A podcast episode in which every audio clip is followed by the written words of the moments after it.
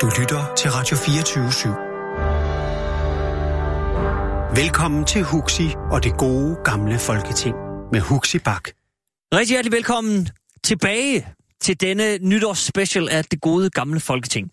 Øh, og nu vender vi faktisk tilbage til Folketinget. Vi har øh, brugt hele første time på øh, en lille tur over søen øh, og talt om Donald Trump, og vi havde alt, alt for lidt tid. Vi kom nærmest kun i gang, for der er så meget godt at tale om.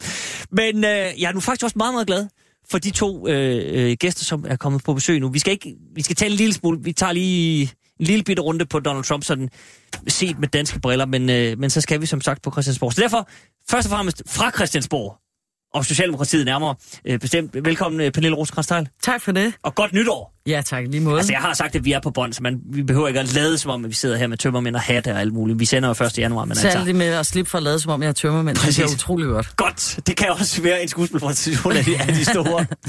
Velkommen også til Lars Værge, formand for Journalistforbundet. Tak skal du have. Øh, vi, vi skal jo tale om forholdet mellem journalister og politikere lige om lidt. Men vi, altså, jeg kan næsten ikke komme på nogen øh, bedre at starte med i virkeligheden omkring det. En mand som Donald Trump, der må man sige har et lidt besværet forhold til journalister, som jo hver eneste gang han ser dem, peger på dem og siger, at de er frygtelige og dishonest og øh, altså, scum of the earth og, og fake news. Øh, Lars, hvad, øh, hvad tænker man som formand for det danske journalistforbund, når man, når man ser verdens mægtigste mand stå og sige sådan noget? Jamen, man tænker, at det er en optrapning i forhold til den måde, som øh, magthavere, i hvert fald i demokratiske lande tidligere, har set på også den ekstremt kritiske presse på. Øh, fordi øh, magthavere skal jo, at den, i demokratiske magthavere altid per definition mødes med, med kritisk presse. Men Donald Trump går ind og spiller pressen ud mod hinanden, og det man også skal holde sig for øje, det er jo, at han gør det i et land, hvor pressen i forvejen er ekstremt splittet. Der er en meget større spredning på øh, holdninger i den amerikanske presse, end der er for eksempel i, i særdeleshed i den danske, men også i meget stor del af den europæiske presse. Det vil sige, at dem, der læser højrepressen, de læser overhovedet ikke venstrepressen, hvor du kan sagtens se det i Danmark, at du kan sagtens læse både børsen og information, øh, eller på den måde følge med. Og det spiller han på, og han spiller mod mod hinanden, og det har gjort for mig at se, at, at pressen har taget stilling for eller imod ham. Og det er jo ikke pressens opgave. Mm.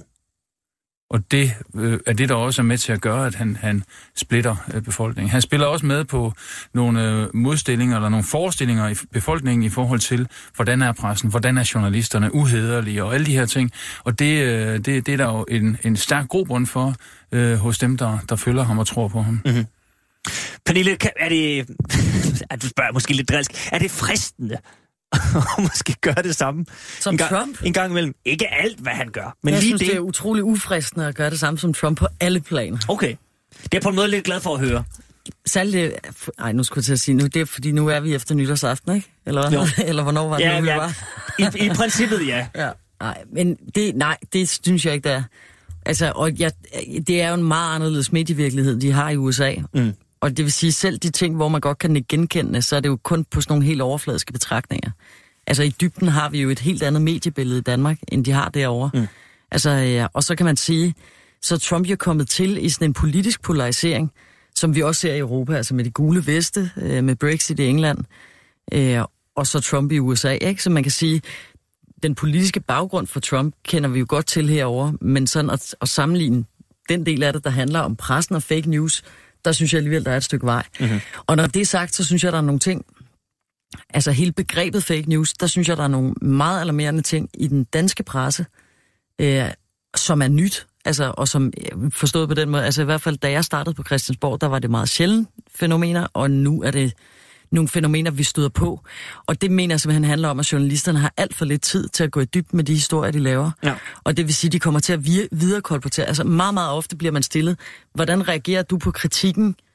Og så refererer man en eller anden kritik taget ned fra øh, noget so me, øh, og så skal man kommentere på noget, hvor at det på ingen måde indholdsmæssigt afspejler de ting, der ligger i en given aftale mm. eller i noget lovgivning.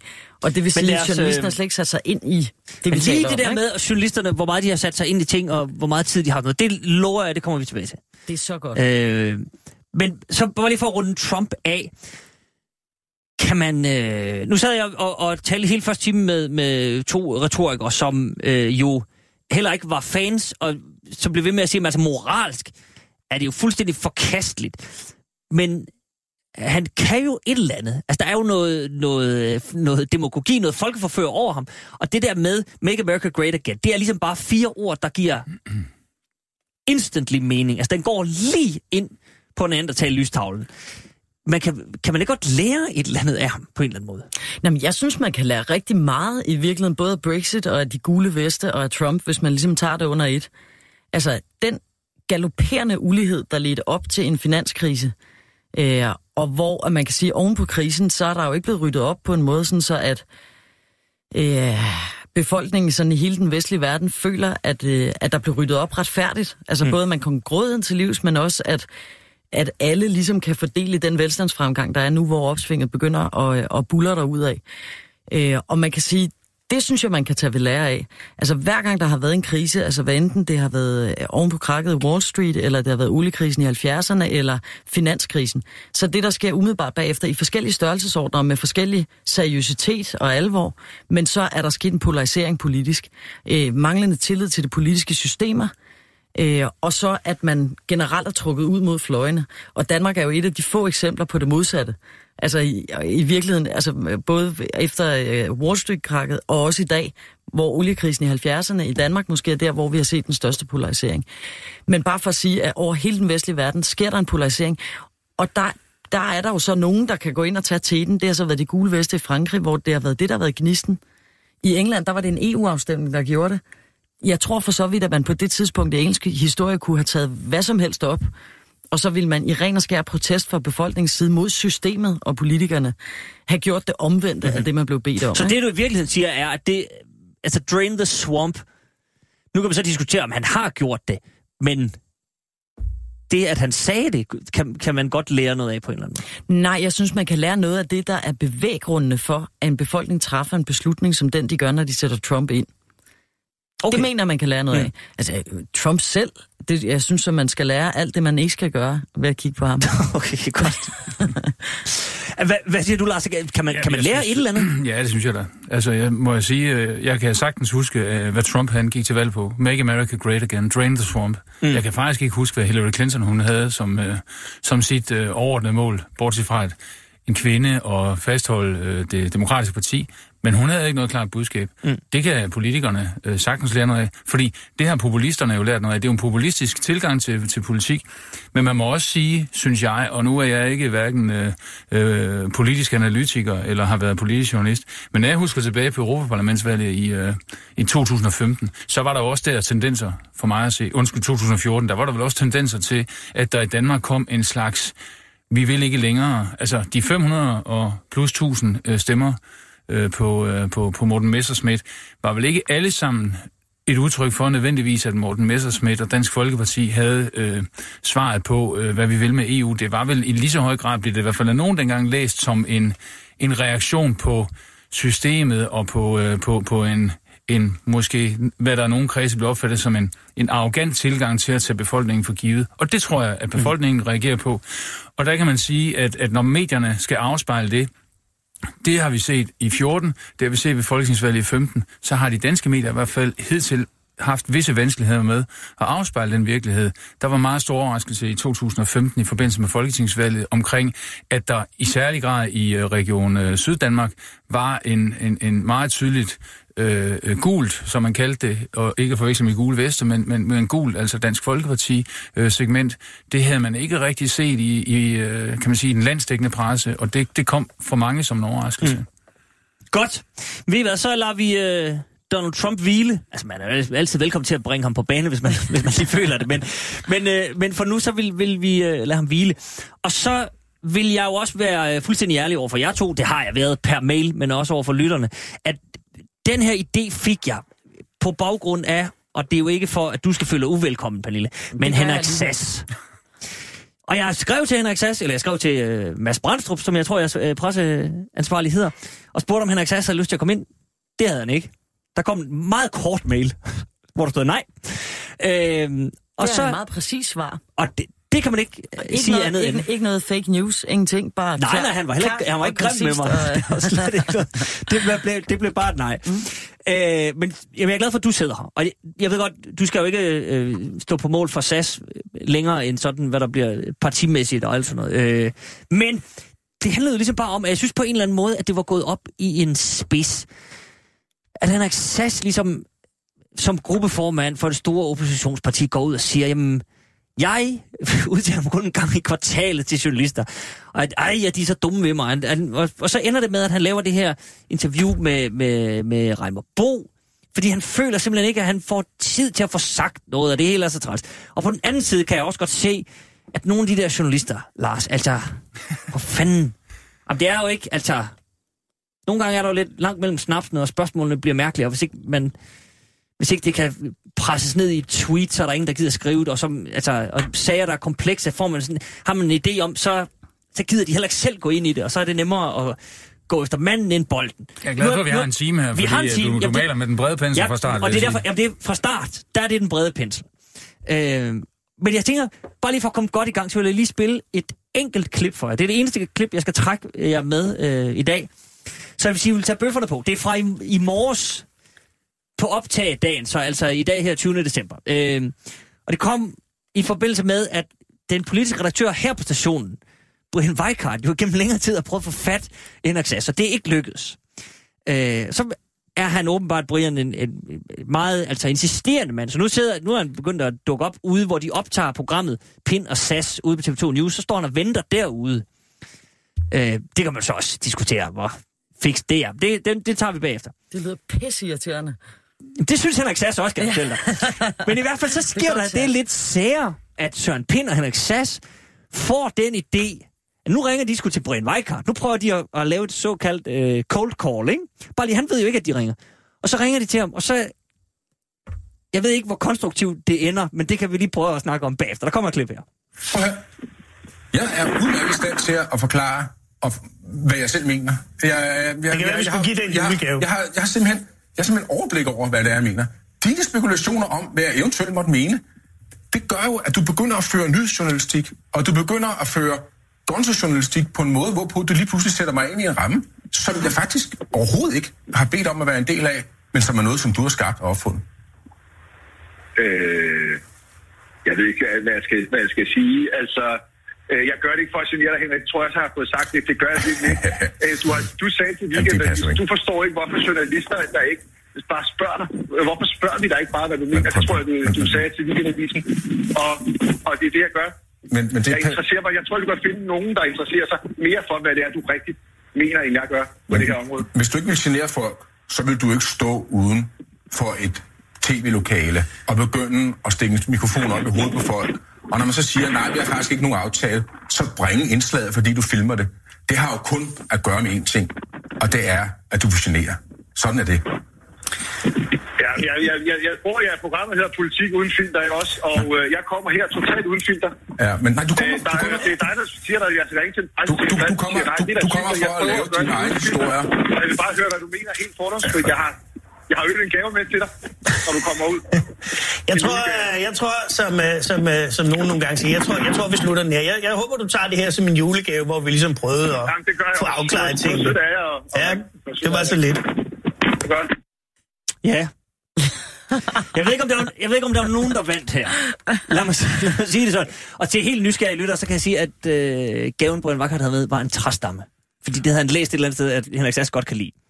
Så han prøver... Men, men der sker jo det, at øh, da Sass så kommer ud fra TV2, han står, Brian Weikart stod jo uden for TV2. Ja, han står lige udenfor. Og der siger Brian Weikart jo så, kan jeg så stille dig nogle spørgsmål nu? Nu ved du, jeg står, og du bør være forberedt. Noget af den stil, jeg kan ikke huske, hvordan ordene falder, men det bliver lagt ud på 24-7's Twitter eller et eller andet social medie øh, i de dage der. og der stiger Sass direkte ind i en bil og, og kører, Ja, kører der væk. sker ikke noget der. Nej, nej, der er ikke.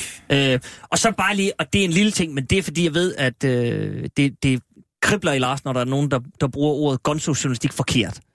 Det, det er gonzo-journalistik, det var Andreas Thomsen, det hvis man, og det var, hvis han fik lov til at flytte hjem til Henrik Sass og følge ham hele tiden, og nærmest være Henrik Sass. Et eksempel det... på gunsejournalistik var, da Ulrik Hårup for 25-30 år siden flyttede ind hos øh, Claus Riske. Jeg var jo sammen med ham, da han var kandidat første gang til Europaparlamentet i 72 timer, ja. og fuldstændig i Jyllandsposten klædte ham af, hvis man kan sige det på den måde.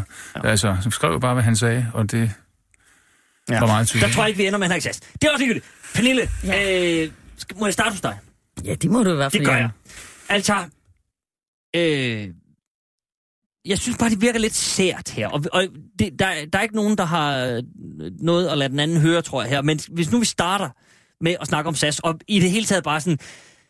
Altså, er det ikke lidt... Er man ikke nødt til som politiker at, at tale lidt mere med journalister end en gang i kvartalet? Nej. Hvorfor ikke? Nej, hvorfor?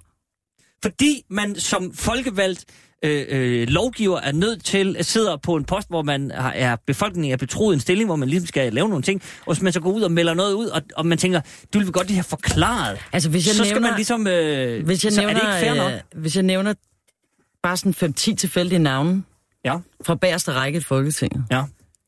øh, så vil der være en hel del af dem, der ikke har udtalt sig til pressen inden for det sidste kvartal, uden der har været noget problem. Og men der er vel også forskel på, om man er backbencher og gruppeformand? Jamen, det, altså, det vil jeg faktisk gerne udfordre. Altså, fordi det er jo ikke sådan, at Socialdemokratiet ikke udtaler sig mere end en gang i kvartalet. Jamen, kan du så forstå, hvis så Henrik Sass siger noget, som er meget på kant med, hvad Socialdemokratiet ellers mener? Jamen, der udtalte han sig jo sådan set senere hen på dagen, hvis det er den seneste begivenhed, vi taler om her. Altså, nej, han jeg, vil, jeg, vil, gange, det er jeg, vil, jeg vil faktisk bare gerne lige anholde den der, ikke? fordi vi har forskellige roller i Folketingsgruppen. Henrik Sass, han har været politisk ordfører 6-8 år. Jeg ved ikke lige, om det er 6 eller 8 år. Så noget lignende, ikke? Mm. Og det vil sige, i den periode, hvor han var politisk ordfører, altså det foregår på den måde, at man starter klokken kvart i seks om morgenen, og så slutter man med de sidste mediehenvendelser øh, ved 11-tiden om aftenen. Ikke? Det er det ens arbejde er. Man kører presse hele dagen. Øh, jeg synes faktisk, at han øh, har taget sin del af det der med at skulle være på hele tiden. Hvor ofte skal man så udtale sig? Jamen, jeg ville da synes, det var et stort problem, hvis det var sådan, at man ikke kunne få en kommentar fra Socialdemokratiet. Altså, hvad mener partiet om dit, du, dat? Det ville jeg synes var et kæmpe problem. Et demokratisk problem, på alle mulige andre måder et problem. Men at der er øh, folk, der ligesom siger, jamen, øh, altså det er jo ikke vores primære arbejde at tale med journalister, alt andet lige. Altså det primære arbejde som politiker er at lede vores land. Øh, og det vil sige, så kan man jo, altså, og jeg synes, at det er en diskussion værdig, hvor meget skal man så øh, stå til rådighed for pressen, og skal det være alle medlemmer af en gruppe, der til enhver tid står til rådighed på et hvilket som helst tidspunkt af døgnet, eller er det okay, at vi friholder dem, der er små børn i morgentimerne, eller, altså, der er jo sådan et eller andet. Så, så jeg synes, der, hvor det demokratiske problem ville opstå, det var jo, hvis det var sådan, at man ikke kunne få en socialdemokrat til at udtale sig om et eller andet, mm. eller man ikke kunne få et lands ledelse til at udtale sig om et eller andet. Okay. Men er der et enkelt medlem af vores folketingsgruppe, altså uanset om det er bagerste række, eller om det er gruppeformand, eller hvem fanden det er, der vælger at sige, jamen, øh, det primære arbejde nogle gange leder landet, det passer han utrolig fint. Øh, og så står det i anden række for ham nu, efter at have været politisk ordfører så mange år og udtalt sig til pressen. Og man får fnat af, jeg har også været politisk ordfører i syv år, og jeg skulle hele tiden sige, når man har været det i syv år, så får man fnat med utrolig store bogstaver. Øh, og øh, sådan er det bare. Og det vil sige, så kan det være utrolig behageligt i en periode lige at trække følehornen en lille smule til sig, og så lade nogle andre overtage øh, den del af det at lede land, fordi pressen er trods alt ikke vores primære arbejde. Det synes okay. jeg altså. Og indimellem så virker det som om journalisterne tror, at det vigtigste, vi laver, det er at tale Jamen nu sidder der jo en her, så spørger vi ham lige. Lars, hvad så? Der er ikke noget problem her. Jamen, jeg synes, Pernille har ret i den øh, tese, der hedder, at partiet, Socialdemokratiet, lige så vel som de øvrige partier, står jo øh, frem øh, i forhold til pressen. Det er jo ikke sådan, at man ikke kan få fat i en fra Socialdemokratiet.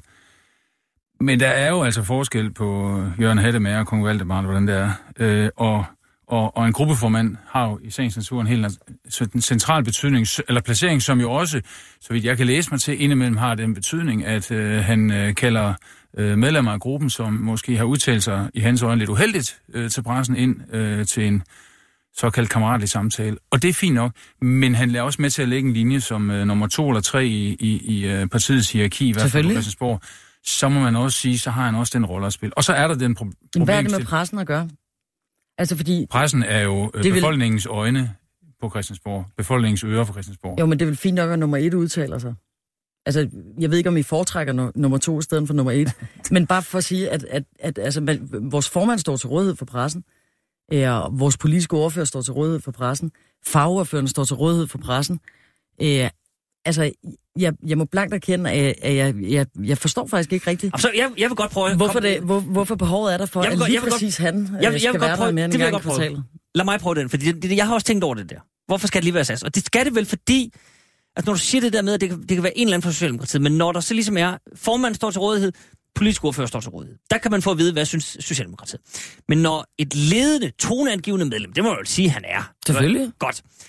Øh, udtaler sig omkring, altså efterhånden flere ting, som strider mod linjen, som, som, øh, hvor man har kunne få, have en forventning om, Lex Mette Gjerskov, at man kunne få, øh, blive frataget et ordførerskab eller få et rap over nallerne.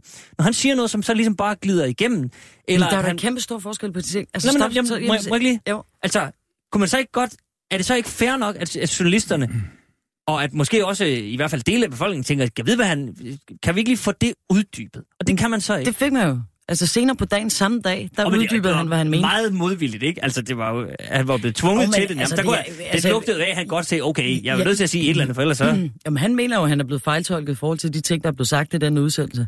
Og så Det er præciserer han det. udsendelse. Og så præciserer... Åh jo, men altså, det han siger citatet, siger jeg bare lige. Altså, da jeg så det citat første gang, før hele verden smadrede af, der opfattede jeg det ikke som kontroversielt. Det er jo først folks tolkninger af det citat, hvor det går... Altså, Henrik har jo ikke på noget tidspunkt sagt, at han mente, at vi skulle ensidigt melde os ud af nogle konventioner. Altså, Det er jo sagt, vi faktisk... skal rode os ud af dem, og vi skal hjemtage. Der er godt nok er- stor det er- forskel på de to nu- ting. Nu bliver jeg afbrudt før, så Men- må jeg så sige, det er da lidt tankevækkende, hvis jeg så skal afbryde her. Det er da så lidt tankevækkende, at han med syv års erfaring som politisk ordfører, og dermed står til råd for klokken kvart i seks om morgenen til klokken 23 om aftenen, ikke har træning i at vide, at når man siger sådan noget, så kan det blive ulagt sådan. Vi havde før jul, skal jeg sige her i det bondede indslag, der bliver sendt efter nytår, vi havde før jul en sag med en, øh, en lektor på CBS, som havde sagt noget til sin leder i forbindelse med en morgensang. To år senere bliver det hævet frem og bliver fuldstændig kørt igennem maskinen. Altså, der kan du sige, der er tale om et offer, Jamen, for, oplever- en, for et, et offer for en, for en fortolkning i offentligheden, som hun ikke havde nogen mulighed for på det tidspunkt, hun sagde øh, sin, sin indvending omkring den her morgensang. Der havde hun ikke nogen mulighed for at vide, at det var noget, der ville blive en offentlig sag. Men en Henrik Sass, der sidder i direkte tv, eller bondet tv-program, hvad fanden det er, sidder i et tv-program og siger sådan. En Henrik Sass, der skriver i sin bog Exodus omkring frigivelse af hash, der er jo ikke tale om, at han bliver fejlciteret. Der er tale om, at der selvfølgelig er nogen, der fortolker på det, manden han så siger. Og så kan han ud og korrigere det senere på dagen. Altså, jeg, vil, Jeg, kan, jeg, vil bare jeg gerne... siger bare igen, jeg kan ikke forstå med Jamen, den træning, han har, at han, at han ikke har forudset det. Og så vil jeg så sige den anden ting, eller tredje ting, det er, at når det så også vækker opsigt, at han ikke vil udtale så er det også fordi, at han i den her bog, som jeg sidder med i hånden, som man kan høre vifter med nu, at han der også begrunder, at det er jo fordi, han ikke kan lide den måde, pressen vinkler historie på det. Han kan ikke lide den måde, pressen arbejder på. Ja, det og er så må derfor, man... man, får fnat med mange udopstegn efter, når man har været politisk ordfører i så mange år, skulle jeg helt til at sige. og så må man bare sige, så er han jo allerede i gang med at grave den grøft, som øh, den amerikanske præsident Nej, var i gang med. faktisk, det er det mener jeg faktisk er to forskellige ting. Nej. Altså, jamen, Ja, det er godt, hvad du mener, det, Ja, jeg det mener så absolut. modsatte. Nu, Altså, så, sige så nej får til, Pernille lov til lige at, uddybe, hvad det er. Ja, altså, jeg, jeg synes jo, at pres, altså, jeg vil gerne sige, at jeg, jeg, jeg mener, at pressen er øh, meget blandet. Altså, og det vil sige, at nogle gange så kommer den her diskussion til at lyde, som om det er meget sort-hvidt. Altså, det er jo blandt i den danske journaliststand, jeg finder nogle af de aller, aller dygtigste, mest kompetente, mest grundige, alt muligt andet, arbejdende mennesker. Men når man har rollen som politisk ordfører, vil jeg gerne have lov til at sige, der er det, man mest alt støder på, er journalister, som ikke har som deres primære opgave at grave sig ned i tingene. Og det vil sige, at de rigtig mange gange ikke aner, hvad fanden de snakker om, for at sige det lige ud. Og det er altså noget, der er eskaleret hen over året. Da jeg startede på Christiansborg, der skulle man faktisk forberede sig selv, når man skulle lave et 20 sekunders interview til TV-avisen. Det behøver man ved Gud i himlen ikke længere. Og det er jo ikke, fordi journalisterne er blevet mindre begavet i den mellemliggende 20-årig periode, men spørgsmålet om, at da jeg startede på Christiansborg, der var der tre arbejdsmarkedsjournalister på Ekstrabladets redaktion på Christiansborg.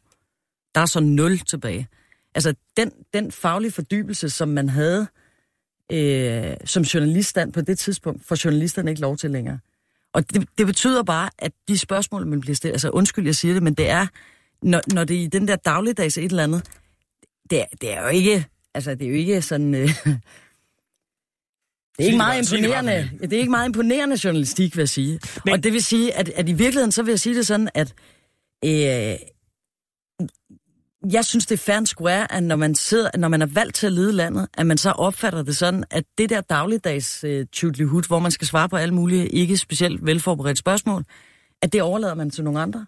Men Pernille, siger du så dermed, at hvis man bliver spurgt om noget dumt, så kan man ikke svare noget klogt? Nej, altså, jeg, jeg mesker Det er mig jo, umuligt. Jamen, jeg mesker mig jo i det der. Jeg har ikke noget problem med det. Jeg har også været væk fra at være politisk ordfører utrolig længe, og ikke haft en hverken nummer 1, 2, 3, 4 eller 5 position i et parti i mange år. Og det vil sige, jeg, jeg synes da, det er fint. Jeg har bare fuldstændig respekt for, at man har det på den måde, at det primære, man er valgt til, det er ikke at bruge så stor en del af ens vågne timer på at stå og snakke med nogle journalister, der i øvrigt er uforberedte. Ens primære opgave på Christiansborg er at læse helt usandsynligt mange dokumenter, sætte sig ind i dem, forhandle med andre partier og lede et land. Det er ikke at stå og snakke med journalister, udtale sig TV2 om stort og småt og alt muligt andet. Og det vil sige, det at sige, at, at, øh, at han som gruppeformand, at der er jo en politisk ordfører for filen, det er sådan set ham, der skal stå og udtale sig mm-hmm. fra morgen til aften. Og Henrik, han har så valgt at bruge sin tid på at gå dybere i nogle ting, og, og være den øh, kraft i vores parti, som han er, men uden at være den udadvendte. Og det, det synes jeg, det kan jeg slet ikke se. Hvorfor skulle det være så stort et problem? Men det er jo fordi, at der netop er den her, at han så samtidig betoner det med i sin bog, jeg kan tage den frem og citere fra den, hvor han starter med at skrive, øh, at øh, det sværeste og mest nærtagende erhverv, som man kan kaste sig over og diskutere, er journalisterhvervet. Ved det mindste kritik hyler de som stukne griser og kaster grundlov, ytringsfrihed, magtmisbrug og egen selvretfærdighed over afsenderen, og ender som regel med at konkludere, at de som sædvanligt havde ret. Et godt råd er at undlade at kritisere journalister, men da de i højeste grad er en del af problemet, er det ved at kaste det råd til side. Og så bruger han så de næste 10 sider på at komme med sin vinkel på det. Og det er fuldstændig i orden, men det var, når man så, som vi gjorde, for den kom lige fra folkemødet, så havde vi ham det. Altså, det, det kan være svært at få ham til så at forholde sig til det og uddybe det. Også steder, hvor man så faktisk siger, at han får plads til at komme med nogle af de nuanceringer, som jeg faktisk synes, på trods af de 10 sider, der ikke kommer der. Og Det jeg må kan også jo være, sige, han ikke jeg har må også sige, for den, at uddybe det. Jamen, det er også måske den del af, af den... Der, hvor Der er mange politikere i dag, der siger et det her med, at den politiske samtale har det svært, og så laver man partimedier, og, og fint nok, og der er også nogle af Journalistforbundets medlemmer, der arbejder ved medier. Det er så fint alt sammen. Jeg vil bare sige, det der med, at man tror, at når man har skrevet en bog, eller man har skrevet et Facebook-opslag, så skal man ikke uddybe det. Jamen, det er jo præcis der, at den politiske samtale begynder. Den politiske samtale, den består af en form for dialog mellem befolkningen, og den dialog foregår fra befolkningens side meget ofte igennem pressen, Jo, men- og så over for politikere. men Lars, en, dialog er ikke, tage- er, en dialog er ikke to monologer. Men hvor, hvorfor er det et problem at tage den debat med Nikolaj Vammen eller Mette Frederiksen? Når eller Henrik Sass har skrevet en bog, så er det vel for fanden Nicolai, Henrik Sass, Jo, men der, hvor det vil være et demokratisk problem, det er jo, hvis det, der er partiets holdning, ikke bliver svaret på i offentligheden, og man derfor ikke ved, hvor man har Socialdemokratiet. Men Altså- man kan jo godt blive i tvivl om, hvor man har Socialdemokratiet, når gruppeformanden skriver, vi skal have legaliseret hash, og i øvrigt også hårdere stoffer end Så det. er det da utrolig godt, at der er nogen af os, der stiller op og svarer på det. Jamen, jamen, jamen, Og, nu, så, men, hov, og ved du hvad, det får mig til at vende tilbage til et andet spørgsmål. Jamen, det er fordi, du kommer til at stille mange spørgsmål i et. sådan er jeg. Du tog nemlig Det er fordi, op, jeg blevet du smidt ud af journalisterskolen. Hvis det er nogen trøst. Du tog nemlig op omkring Mette Gerskov, og hvorfor Ja. må hun, og, og der, altså, bare, bare lige lad os udrede den, fordi at, øh, Gerne for mig. Ja. jeg mener, at der er, og vi mener i Socialdemokratiets folketingsgruppe, at der er meget stor forskel på at gøre det, at man tager det, vi kalder et forbehold. Og det er jo sådan lidt Christiansborg det må man gerne være i dit mm, program. mm. Det, Altid. Og det at tage forbehold, det betyder, at man stemmer anderledes end folketingsgruppen nede i folketingssalen. Øh, det er, bliver ikke set på med milde øjne, øh, fordi at vi er et fællesskab, og det vil sige, at vi kan være utrolig uenige. Det er vi på de fleste punkter. Det er meget sjældent, der ikke er debat om, hvor linjen skal ligge henne i Det er sundt Socialdemokratiet. og godt. Sådan er det i alle Det er et stort, bredt parti, og derfor så er der de slagsmål, der er. Men hvis vi skal have en eller anden styrke i Folketinget, så skal det også være sådan, at når vi så konkluderer, så skal vi gå i takt. Altså, vi stemmer ens ned i Folketingssalen, ellers giver det ikke meget mening, at vi har et parti og et fællesskab. Øh, og man kan sige, at den situation, hvor Mette Gerskov tager forbehold, det vil sige, siger, at hun har tænkt sig at stemme anderledes end os andre, der er det simpelthen bare kvalitativt en anden måde at lave politik på, end det, som den socialdemokratiske folketingsgruppe har besluttet. At Henrik skriver om, hvad han mener, eller jeg i øvrigt gør i min bog, ting, som ikke er besluttet øh, som partilinje, er fuldstændig uproblematisk, så længe vi ikke tager forbehold. Og det vil sige, at altså, igen, længe leve journalistens øh, viderekolportering af tingene, så er der jo ikke nogen i den danske verdenspresse, der forstår den finere nuance. Det skal man selvfølgelig også have sat sig lidt ind i tingene Nu skal jeg passe på ikke at hylde som stukken gris. Ja, præcis.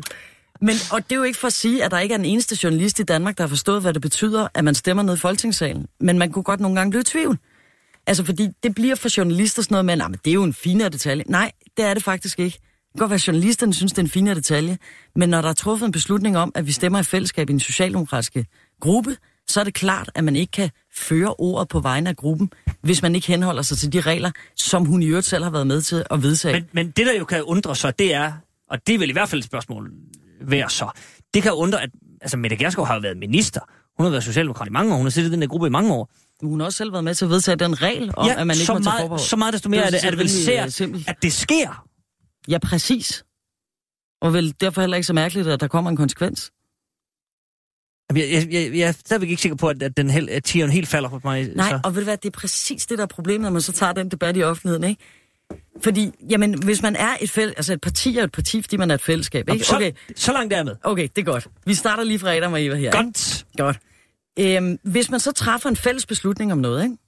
Det er jo fuldstændig ligesom på en hvilken som helst anden arbejdsplads. Hvis man vedtager for eksempel, at man gør tingene på en bestemt måde, vi skal alle sammen øh, splice om julefrokosten, øh, og der er en, der bliver sat til at købe ind, og man har i fællesskab besluttet, at i år, der spiser vi vegansk. Det synes jeg er en lidt mærkelig beslutning at tage, men det kunne man tage. Og vedkommende, der så skal, ja, så giver man alle pengene til en, som øh, så skal gå ud og købe vegansk, og så kommer vedkommende tilbage og kun købe bacon. Altså alt andet lige, så er det vel ikke den person, man næste gang vælger til at være den, der så skal købe ind til julefrokosten, og alle nu gerne vil have vegansk, og vedkommende alligevel købe bacon. Og det er bare for at sige, det er jo det samme med ordfører. At hvis man nu som gruppe har besluttet sig for, at det er det her, vi mener er fællesskab, efter at have haft lange debatter om et bestemt emne, så beslutter vi os for, at det her det er kompromis mellem de forskellige fløje og opfattelser. Så nytter det jo ikke noget, at en ordfører, det er altså en, der fører ordet svarende til den, der og købe øh, julefrokosten ind. Jeg er stadig med. Er du ved at være med? Jeg, jeg, jeg, jeg, er stadig, jeg er stadigvæk med. Så betyder det så, at næste gang, at man skal have nogen til at udtale sig på partiets vegne, så det godt, at man ikke lige siger, haps, dig med bacon, der tager vi skulle lige en gang til, fordi anden gang, der gør du forhåbentlig det, vi besluttede os for, at vi skulle gøre i fællesskab. Og det vil sige, det der med at tage forbehold, det virker ligesom ikke, fordi så får vi bacon, når vi havde bestilt vegansk. Og du synes ikke, der er nogen som helst sammen, altså, sammenligning med, at Henrik, Henrik Sass har skrevet alle de her ting?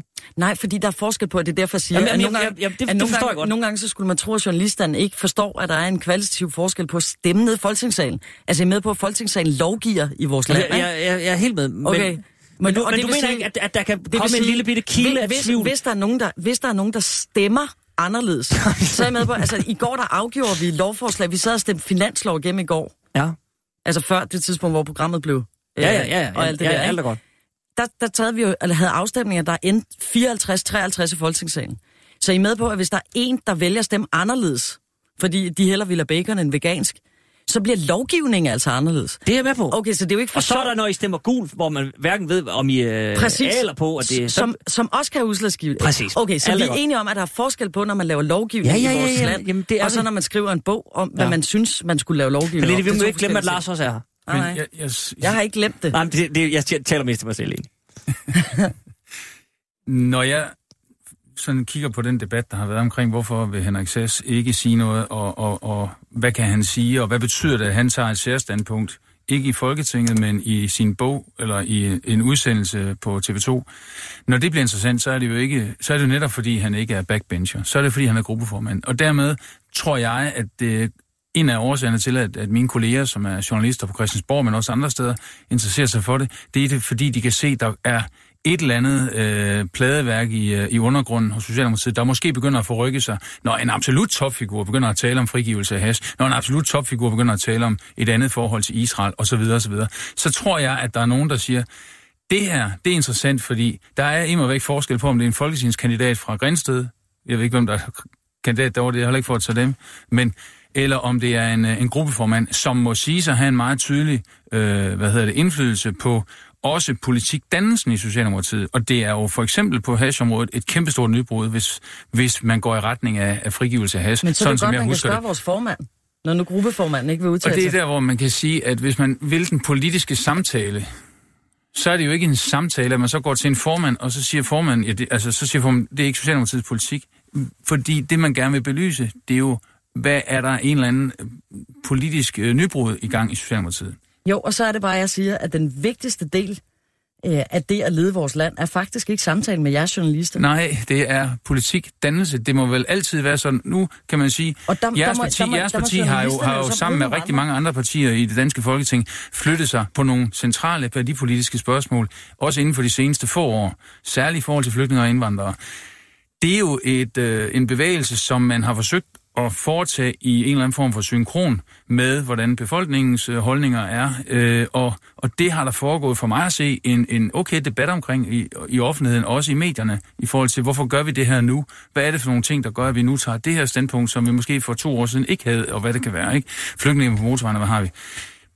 Hvis man på det her punkt siger, der er ikke nogen debat, det er ikke Socialdemokratiets politik, så, siger man, så lukker man jo den debat. Og jeg siger bare, det må da også være centralt for et politisk parti, det største, som jeg forstår det, medlemsparti af de politiske partier i Danmark, så må det da også være centralt, at man har en debat i offentligheden. Hvis der er en gruppeformand, der gerne vil have ændret lovgivningen omkring hash, jamen, jamen hvorfor kan man så ikke til at sige helt stilfærdigt, at det er jo Henriks private standpunkter, der står i den Ja, det har vi fået slået fast. Og det vil sige, når man altså, det er, det, den er gået ind. Jo, jo, og det betyder jo bare, at, at hvis man gerne vil have en debat med Henrik om Henriks private standpunkter, så bliver man jo nødt til at lokke Henrik ud over isen. Ja, og der er hvis, bare man nødt til gerne at vil sige... have en, ja. hvis man gerne vil have en politisk samtale med Socialdemokratiet, Undskyld, Pernille rosenkrantz det lyder altså lidt ligesom, når man diskuterer, om statsministeren kan være privat eller offentlig. Altså, en, en gruppeformand er for mig at sige, han er jo, gruppeformand han er jo, Socialdemokratiet. jamen det er han da også for mig. Jeg ja. siger bare, hans arbejde er efter min mening ikke at stå og snakke med jeres journalister. Nej, det- okay. det Prøv, så, så sætter jeg lige et lille bitte øh, kommer her, fordi så sidste ting om SAS, så skal vi også videre. Jeg har nemlig også nogle ting, nogle andre ting.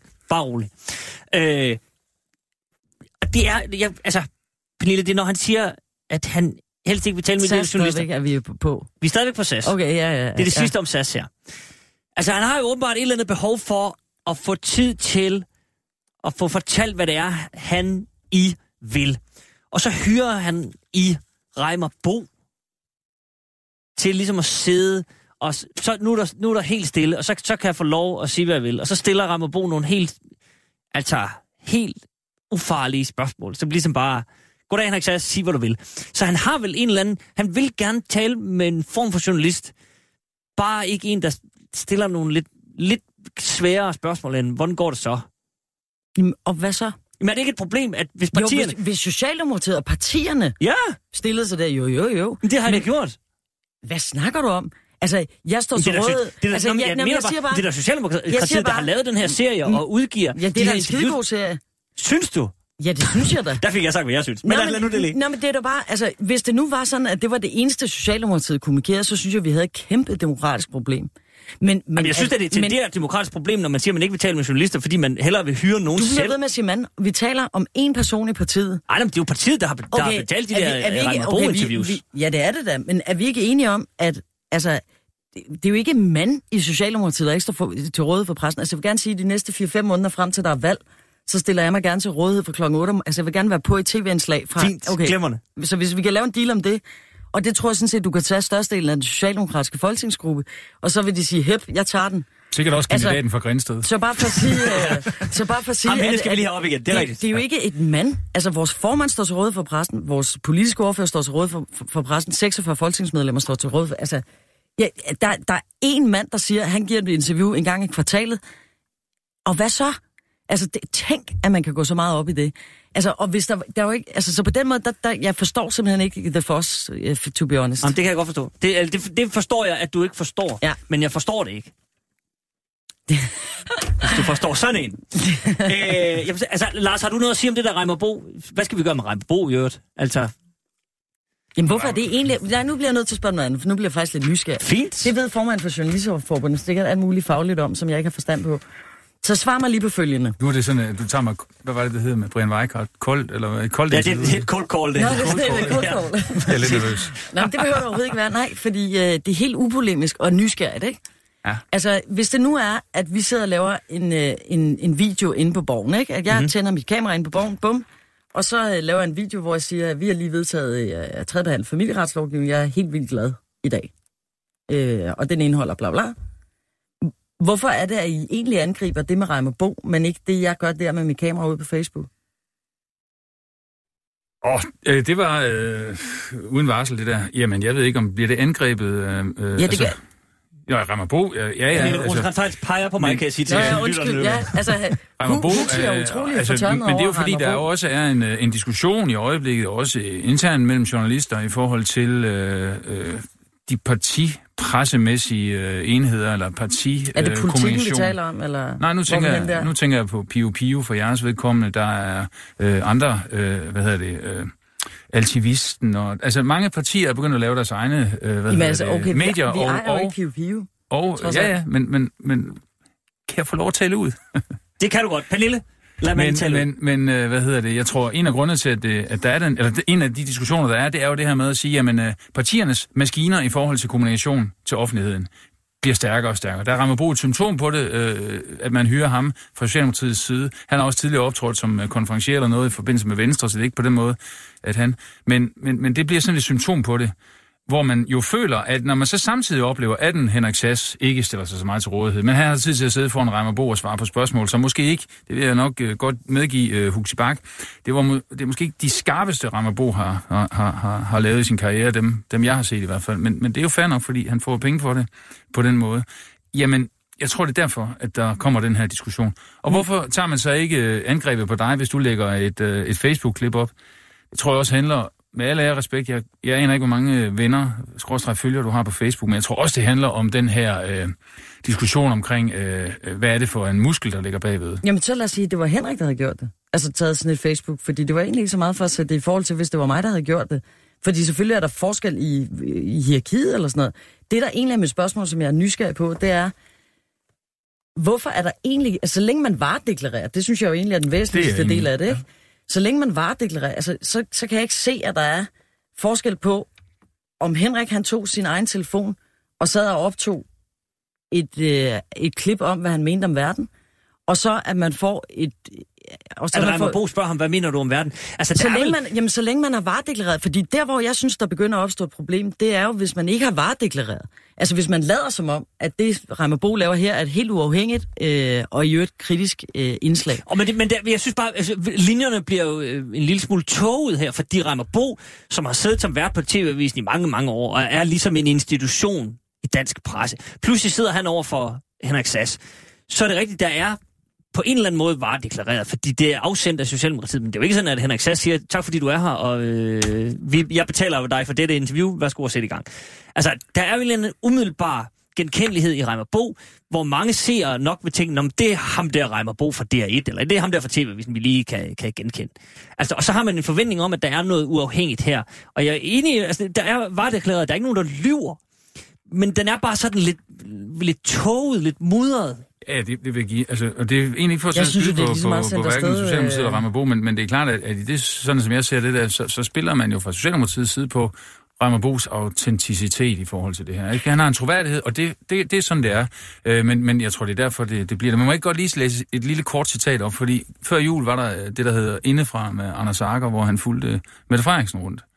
Og øh, der var, er en sekvens, hvor de kører i en bil, og, øh, og, og hvor jeg vil også give øh, Anders Akker den kredit, at han har måske også stillet skarpere spørgsmål øh, i optakten til det. Men, men, men, men det, som Mette Frederiksen så øh, på et tidspunkt siger, hvor de taler om det her med, Henrik Sass, hvis han bliver statsminister, så får du problemer, hvis han ikke vil udtale sig til pressen. Jamen, så kommer han da til at udtale sig til pressen, Jonas. Så, så, så siger øh, Akker, det ved du. Og så siger Mette Frederiksen, ja, ja. Men han har da også en pointe i, at i dag kan du jo ikke starte en diskussion. Du kan ikke tilkendegive nogen holdninger, uden at det bliver blæst overdrevet op, og du bliver afkrævet et ja eller et nej. Og hvad vil du gøre ved det? Der er ikke nogen spændende politisk diskussion mere i Danmark. Der er sådan en, hvad vil du gøre ved det? Og så laver hun sådan en frem og tilbage med en mikrofon øh, på skærmen. To sekunder, det får vi da ikke et bedre samfund ud af. Når jeg læser det, og jeg hørte det øh, den dag, så synes jeg, det lyder meget lidt, lidt i stil med, eller meget i stil med det, som, som, som også er Sasses øh, pointe, det her Men med at sige, det kan ikke betale sig.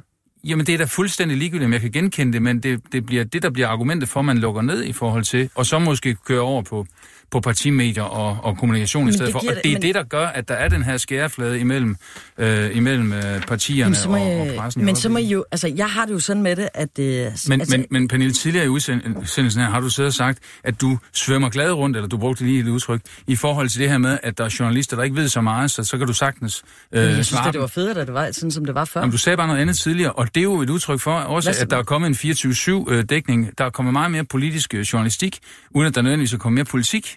Fordi Nej. der er, radio, der er, øh, hvad hedder det, der er TV, hvad hedder det, TV2 News, som, som sender øh, i døgndrift, og alle mulige øh, politiske redaktioner, der skal dække øh, på nettet fra morgen til sen aften. Det vil sige, at, øh, at, at antallet af nyheder er måske også øh, vokset rigtig meget. Rigtig meget.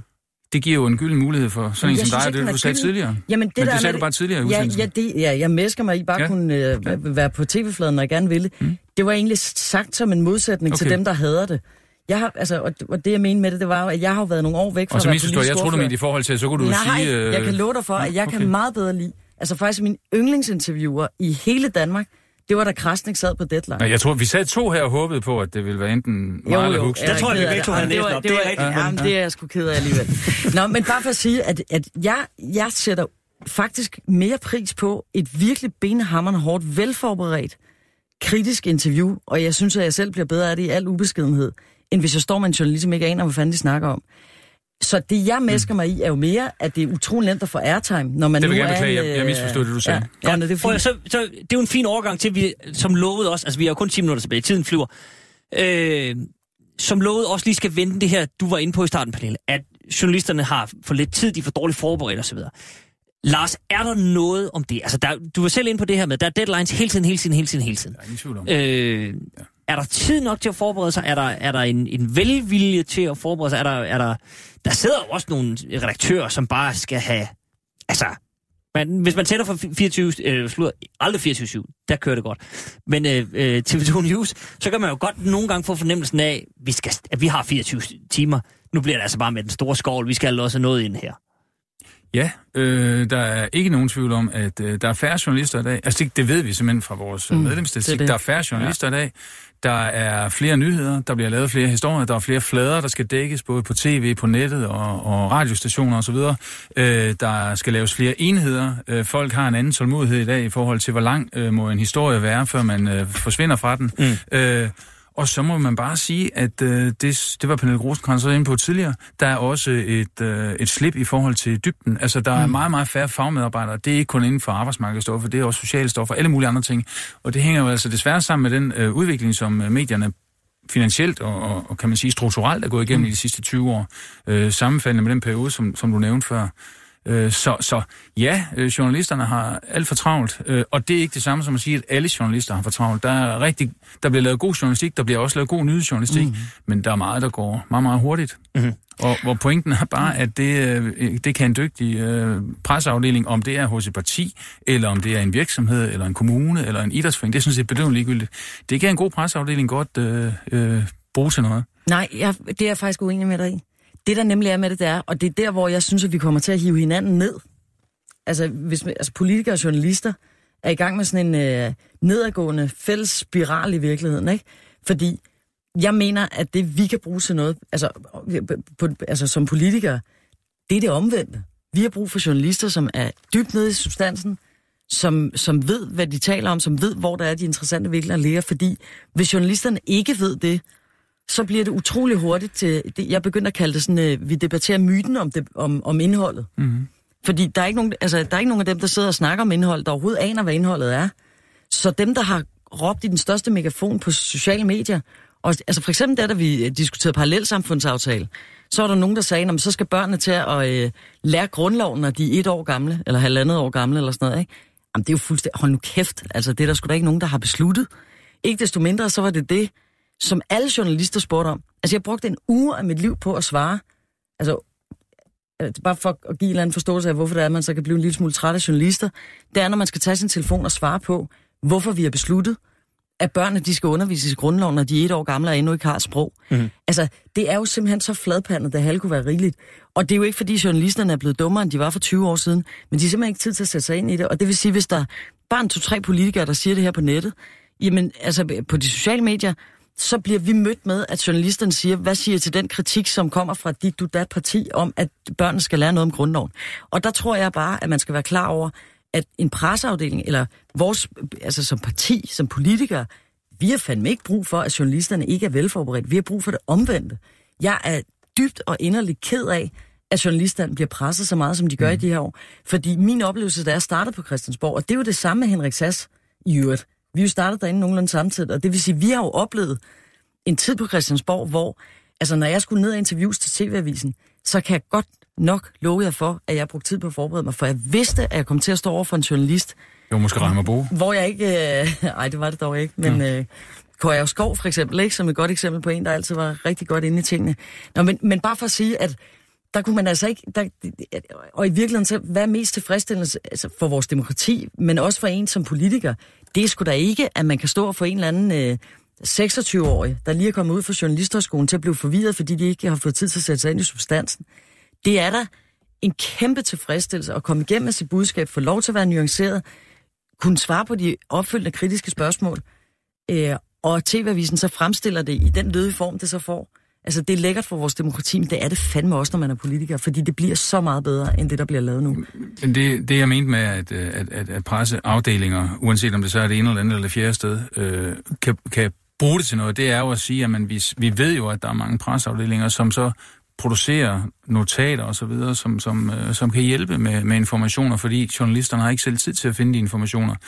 Er det godt? Ja, det er måske bedre, end de ikke har informationerne. Er det vinklet? Ja, det er det helt sikkert øh, meget ofte.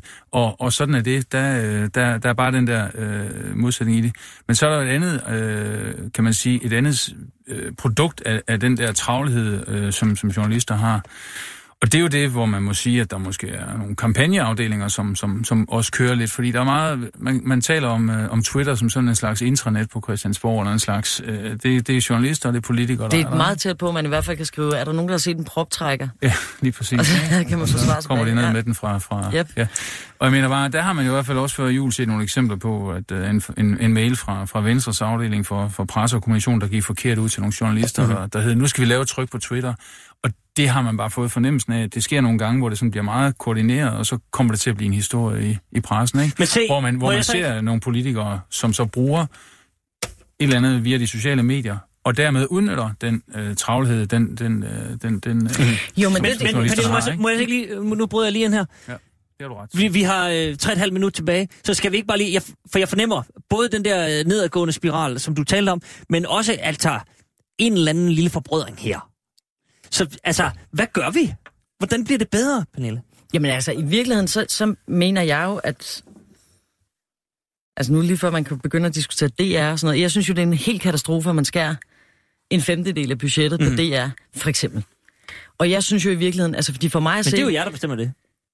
Nej, fordi Ja, jeg har... det Ja, nej, det ved jeg, men altså... I Socialdemokratiet, der nu- har- Det ved jeg nu- godt. nu Der kommer også vi en så forbrødring her. Det var ikke Altså lige, lige, lige, så lige de næste 3-4 måneder, der har vi ikke regeringsmagten. Derefter så ved vi ikke, hvordan det ser ud. Så vi bestemmer ikke over de der midler for det er desværre.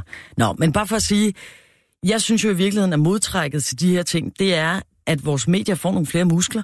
Altså, så jeg, jo slet, altså, jeg har intet problem med, at man begynder at køre alle mulige andre kanaler, at køre sociale medier, at køre tryk ud over alt muligt. Jeg kunne bare godt tænke mig, at journalisterne havde tid til at gøre deres arbejde ordentligt. Altså for lige ud. Og det vil sige, jeg, vil, jeg ønsker mig jo et sted hen, hvor at man har tid til at lave det forberedelsesarbejde, der skal til, for at man faktisk kan være kritiske journalister. Mm-hmm. Og der oplever jeg for så vidt slet ikke noget modsætningsforhold. Altså jeg har oplevet den ene journalist efter den anden sige op på Christiansborg i frustration over, at de ikke kunne lave det, de opfattede som deres arbejde, fordi de ikke har tid til det. Ikke? Og det vil sige, jeg tror, at vi har behov for, at vi sådan nationalt får kigget hinanden i øjnene som samfund og fællesskab og siger, jamen hvis vi skal have en demokratisk samtale, for det er fandme ikke det, der foregår i medierne i de her år, det er ikke en demokratisk samtale. Ja, det kan jeg forstå på din gruppeformand. Det er proceshistorier, og det er sådan noget der. Og så er det på nogle mediedele pissegodt journalistik, men Godt. på alt for lidt. Lars skal lige have lov at... Jeg vil bare for få at sidste sige, at, kommentarer. at, at ønsket om at, at, at tilføre flere muskler er fint nok, men, men, men jeg vil også bare lige fortælle, at der rent faktisk i de her nærmest måneder foregår nogle diskussioner internt i, i, i hashtag DK Medier, som det hedder på, på Twitter, altså i mediehusene. Skulle man på en eller anden måde lave en... Skal vi sætte tempoet ned? Altså tempoet ned i forhold til at sige, at øh, der er behov for noget eftertanke, der er behov for ilt til øh, journalisterne, øh, til, til pressen i det hele taget. Øh, og måske har befolkningen heller ikke noget særligt behov for at blive ved med at øge nyhedstrykket. Øh, jeg siger ikke, at det kommer til at ende sådan, men, men der er i hvert fald nogle diskussioner, som, som er flyttet et andet sted hen, jeg har hørt dem tidligere. Det synes jeg lyder rigtig, rigtig dejligt. Det synes jeg også. Så vil jeg bare lige, som en, en lille bitte ting, fordi nu, øh, jeg, jeg har sådan en lille... Altså, jeg, er også, øh, jeg har det også lidt svært med, med, med de der journalister nogle gange. Jeg kan også godt øh, høre, hvad du siger, øh, Pernille. Og derfor vil jeg bare sige, jeg er fuldstændig med på den der med Danmarks Radio, men der er, så så jeg her den anden dag, øh, de søgte en reporter til der nyheder på Messenger. Og nu læser jeg bare lige op, som sådan en lille, så kan vi bare lade den fade ud. Øh, vi søger en reporter, der kan arbejde selvstændigt med prioritering og vinkling af nyheder, og som har indgående kendskab til både Messenger og Instagram. Du har en sikker dømmekraft, og er præcis i alle historiens detaljer. Du er en dygtig formidler med et præcist sprog, og du kan forklare svært stof på en måde, så det giver mening for brugerne.